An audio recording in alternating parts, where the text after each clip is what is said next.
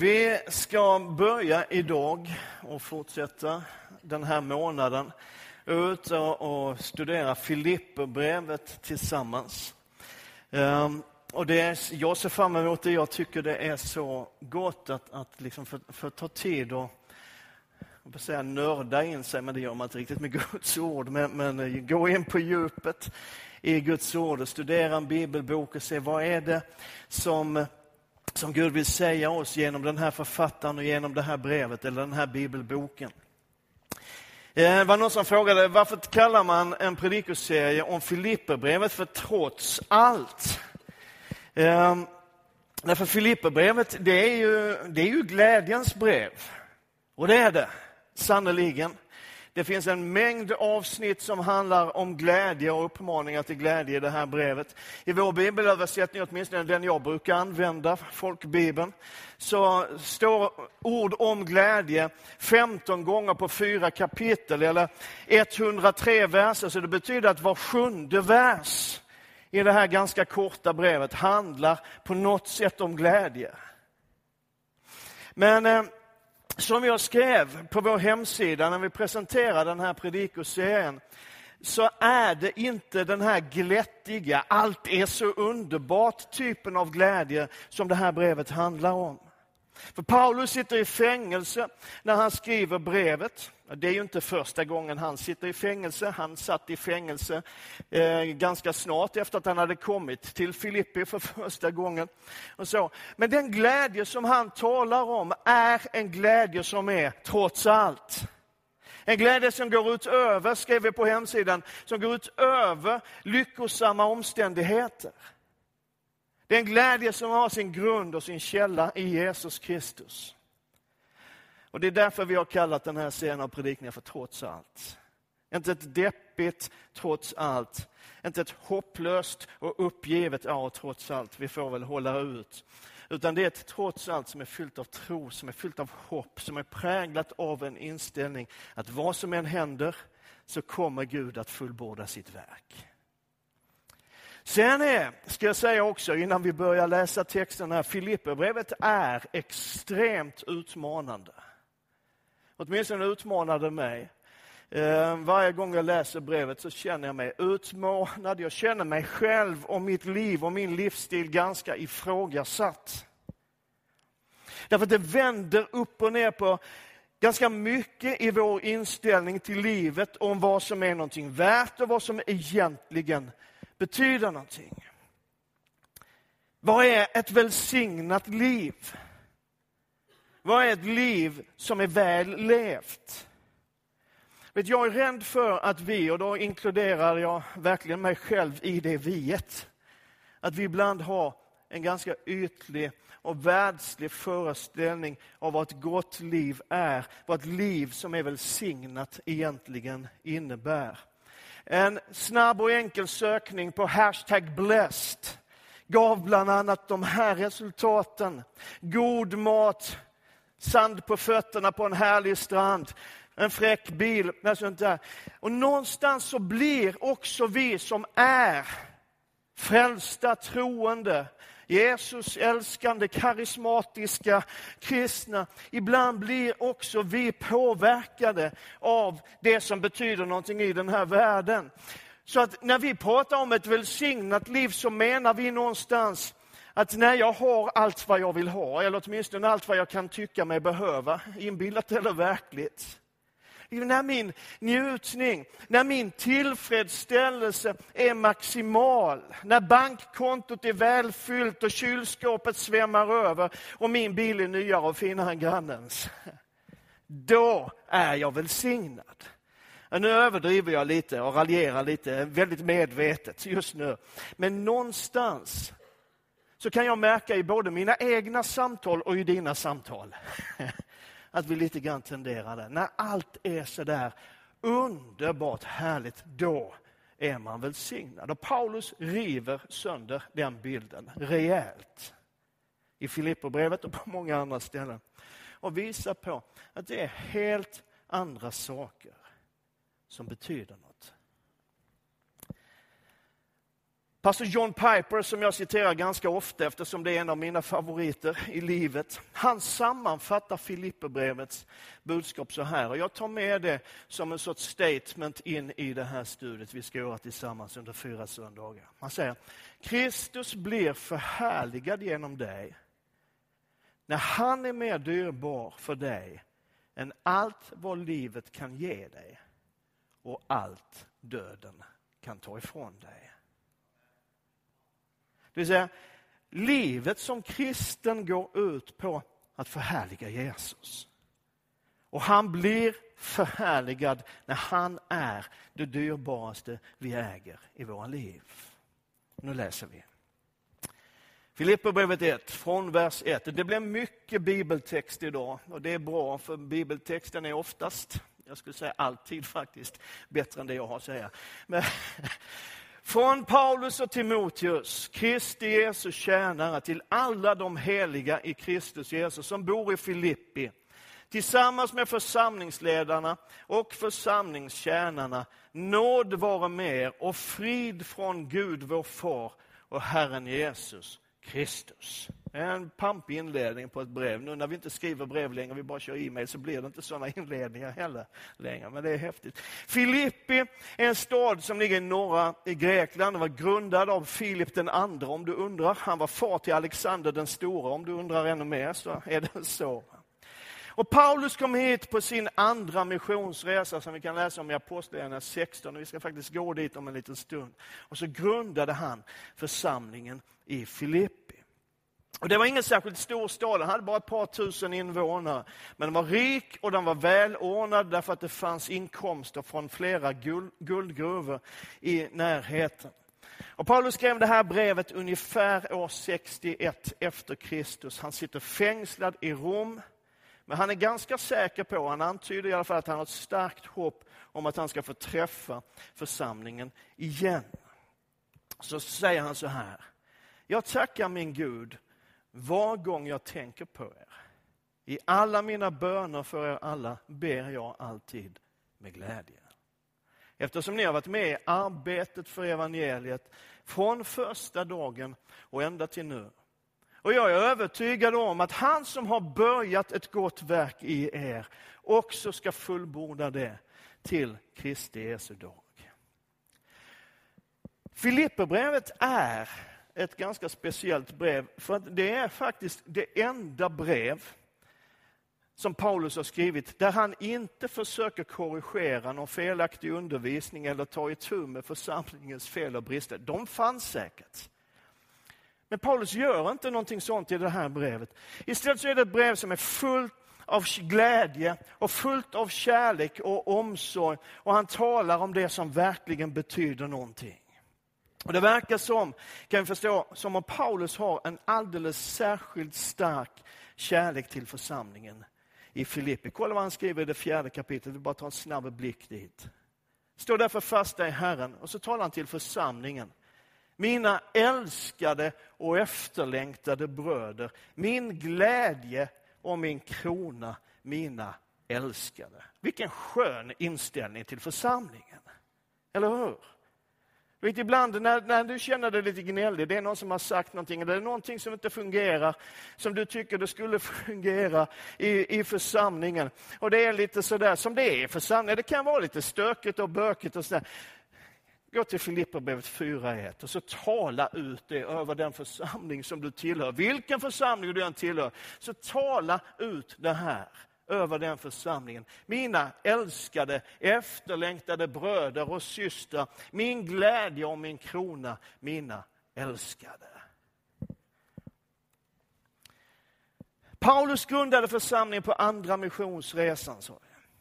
Den här bilden visar den plats i Filippos som anses vara fängelset där Paulus och Silas satt fängslade under sitt besök i Filippi.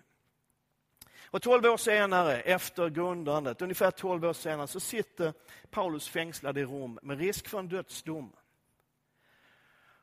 Under de här åren som har gått så har församlingen i Filippo stött honom på alla sätt, inte minst ekonomiskt. Mer än någon annan församling kanske. De älskade honom, de höll honom högt, han var deras apostel. Och när de fick veta att nu sitter Paulus, vår apostel, fängslad, han är, det finns risk att han blir dömd till döden, så tar de inte avstånd från honom för att rädda sig själva. Utan istället sänder de Epafroditus, de har festliga namn på den, på den tiden. De sänder Epafroditus till honom med fler gåvor för att supporta honom, för att se till att han har det någorlunda drägligt. Men Epafroditus kommer också med en del tråkiga nyheter. Han berättar för Paulus att hemma i Filippi så finns det fiender till korset. Människor som är ett hot mot den kristna tron. Och så sitter Paulus fängslad. De vet inte om de någonsin kommer att få se honom igen. Vad händer med församlingen om Paulus dör? Det är liksom frågan. Så Paulus skriver det här brevet till dem. Han skriver för att uppmuntra dem. Han påminner om att evangelium om Jesus är långt mycket större och mångt mycket kraftfullare än att det på något sätt skulle vara beroende av hans eget öde. Jag vill att ni ska veta, bröder, skriver han, att det som har hänt mig snarare har lett till framgång för evangeliet. Det har blivit klart för hela pretoriet och alla andra att det är för Kristi skull jag sitter fängslad. Och min fångenskap har gjort de flesta av bröderna så övertygade i Herren att de vågar predika Guds ord ännu mer oförskräckt. Med andra ord, det Paulus vill säga församlingen det är, var inte oroliga för hur det ska gå med mig. Och var ännu mindre oroliga för hur det ska gå med evangeliet och med Jesus. Därför att det som är väsentligt är inte om jag kommer ut ur fängelset eller ens om jag får leva. Det som är väsentligt, vänner, säger Paulus, det är att Jesus blir predikad.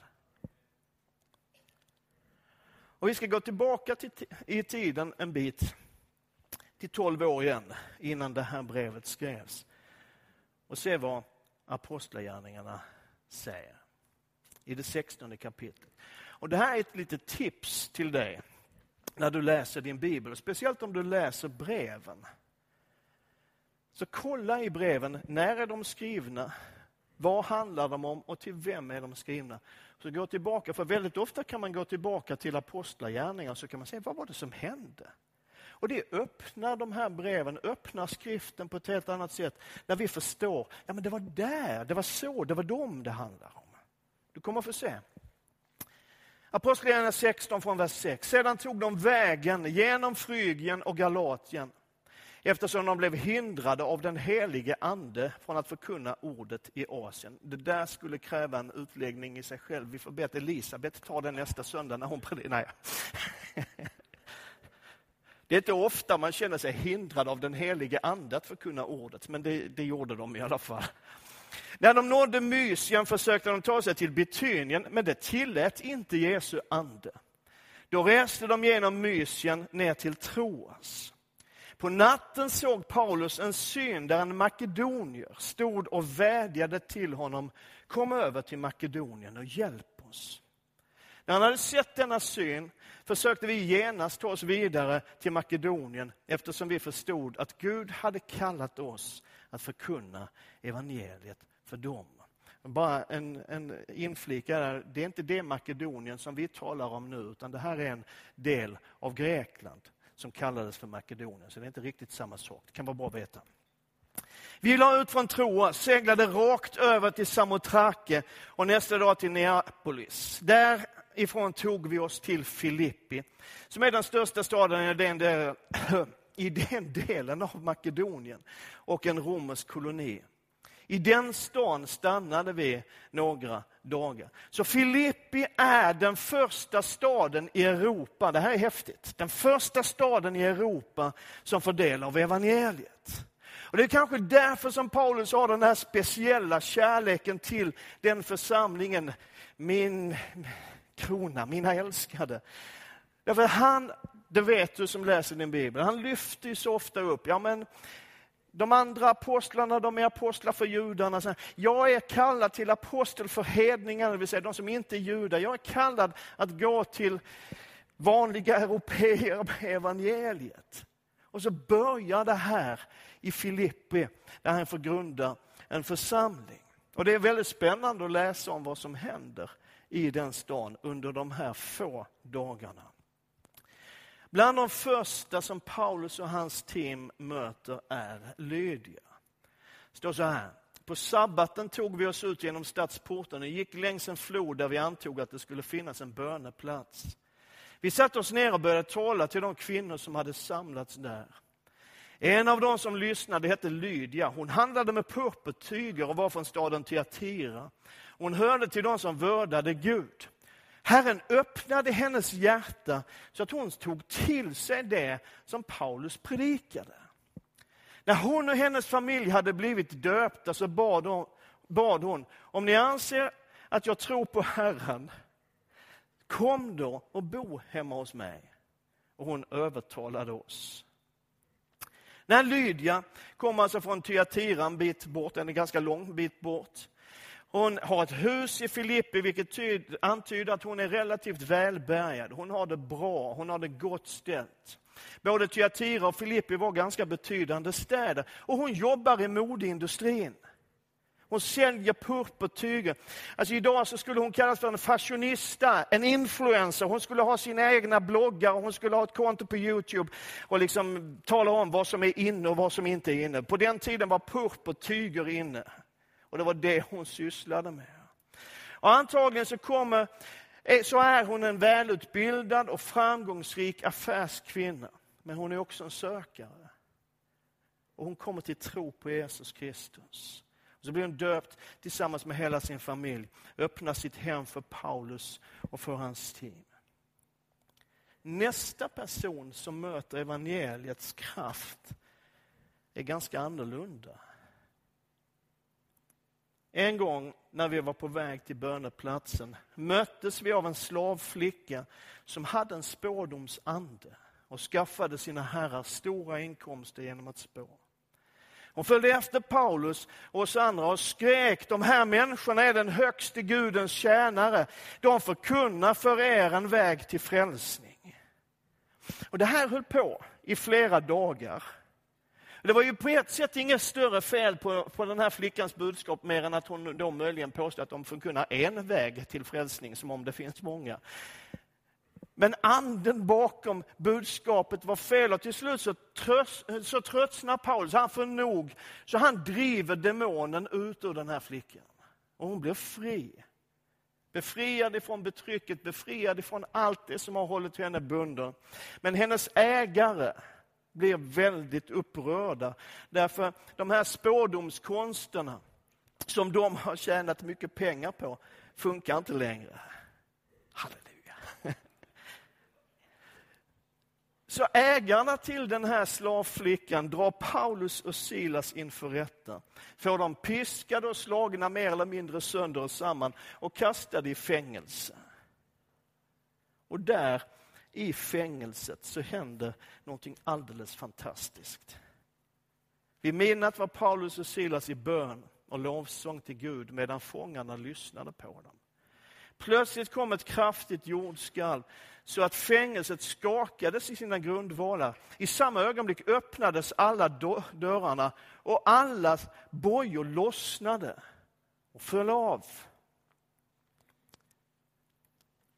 Fångvaktaren vaknade och när han fick se att fängelsedörrarna stod öppna drog han sitt svärd och skulle just ta sitt liv eftersom han trodde att fångarna hade flytt. Men Paulus ropade högt, gör dig inte illa, vi är här allesammans.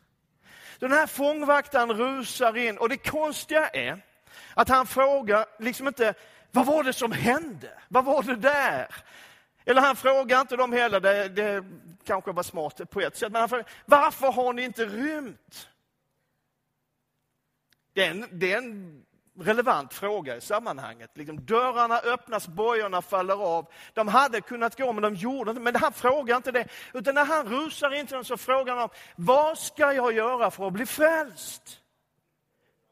Därför han fattar att här finns en kraft, här finns en makt, här finns någonting som har varit i rörelse. Som har varit i aktivitet som är större än vad jag någonsin har fattat tidigare. Han tar Paulus och Silas med sig hem, tvättar deras sår, låter dem predika för hela sin familj och alla kommer till tro och blir döpta. Och sedan står det, förde han dem upp till sin bostad, dukade ett bord, jublande glad över att han med hela sin familj hade kommit till tro på Gud. Wow! Och här är själva grejen. En fashionista, en besatt slavflicka och en fångvaktare är själva starten för församlingen i Filippi. Det är helt olika människor. Helt olika bakgrund, helt olika förutsättningar. Det kanske någonstans inte är drömuppsättningen för en församlingsplantering. Men evangeliet har en förmåga som är så häftig att förena människor och göra främlingar till en familj. Pastor Matt Chandler skriver i sin bok To live is Christ att evangeliet blåser ut dörrarna till våra prydliga små homogena gemenskaper och skapar en helt ny gemenskap som aldrig hade kunnat formas utan det, utan evangeliet. Och om vi ska vara ärliga, och det ska vi vara, så umgås vi ju mest, tror jag, med människor som är ganska lika oss själva. Det är en naturlig tendens hos de allra flesta människor. Men evangeliet går utöver den mänskliga naturen. Det är större än oss. Vet, utan nådens kraft, utan kraften i evangeliet så skulle inte en rik fashionista ha särskilt mycket gemenskap med en demonbesatt slavflicka. Och antagligen inte heller med någon kriminalvårdare. Men evangeliet försonar inte bara syndiga människor med en helig Gud. Det väver också samman människor som ytligt sett är väldigt olika. Och något av det vackraste med församlingen är ju just detta att av människor som var främlingar bygger Jesus sin familj. Och du vet, det är ju bland annat de där tre Lydia, slavflickan och kriminalvårdaren. Det är ju de Paulus tänker på när han skriver Jag tackar min Gud varje gång jag tänker på er. Och i alla mina böner så ber jag alltid med glädje eftersom ni har varit med i arbetet för evangeliet från första dagen ända till nu. Och jag är övertygad om att han som har börjat ett gott verk i er också ska fullborda det till Kristi Jesu dag. Det är ju dem han tänker på. Arbetet för evangeliet, det ord som finns i grundtexten, det är ordet koinonia. Det som vi använder ibland för att beskriva den kristna gemenskapen. Värmen, kärleken, närheten, omsorgen handlar om också att vara del i ett arbetslag. Att vara en del i den kristna gemenskapen i församlingen är att vara del i ett verk som är större än vad vi själva är.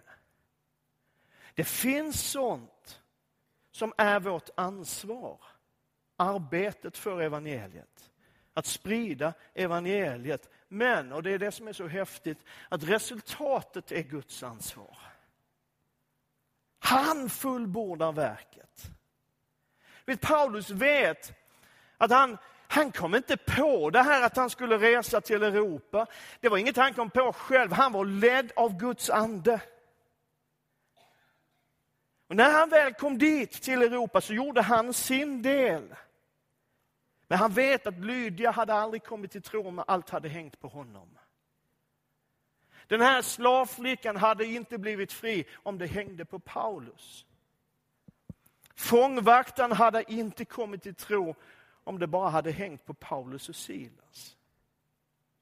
Och Det finns en sån vila i detta, kära syster och bror. Det är Gud som fullbordar verket. Det är han som bygger sin församling. Och han bygger den av precis vem han vill. En fashionista, en slavflicka, en kriminalvårdare. Det spelar ingen roll. Gud ser människors hjärtan och så bygger han sitt rike. Wow! Vi får nu hoppa en bit framåt nu. För Paulus lyfter någonting väldigt viktigt i det här första kapitlet. Han lyfter vad, vad livet, det kristna livet egentligen går ut på. Han skriver om vad allt ytterst sett handlar om. Och det där kommer vi att utveckla i, uh, under kommande söndagar. Men låt mig visa dig det här. När han skriver i slutet av det första kapitlet. Det är min längtan och mitt hopp att jag inte på något sätt ska stå där med skam utan att Kristus nu som alltid ska bli frimodigt förhärligad i min kropp, vare sig jag lever eller dör. För mig är livet Kristus och döden en vinst. Att Kristus ska bli förhärligad. Det är hans passion, Paulus passion, att Jesus ska bli förhärligad. Det vill säga att människor ska se hur stor Jesus är genom hans liv. Det är därför som vi är skapade. Gud har skapat dig och mig till sin ära, inte till vår ära, utan till sin ära. Och Paulus är märkligt övertygad om att det egentligen inte spelar någon roll om han lever eller dör. Om han får fortsätta leva, skriver han lite senare, så är livet Kristus. Om han dör så är det en vinst, för då får han vara ännu närmare Jesus. Och lite senare i brevet, vi kommer till det så småningom, så talar Paulus om hur han har levt i både överflöd och fattigdom. Han har fått allt, skriver han, och det är överflöd. Allt som detta livet kan ge. Men han har också haft perioder och tider utan allt. Han säger, jag har varit hungrig, jag har haft brist. Men inte ens döden kan ta det som är verkligt dyrbart ifrån honom. Vad är det som betyder något? Vad är det som verkligen betyder något? Kristus blir förhärligad genom dig när han är mer dyrbar för dig än allt vad livet kan ge dig och allt vad döden kan ta ifrån dig. Amen.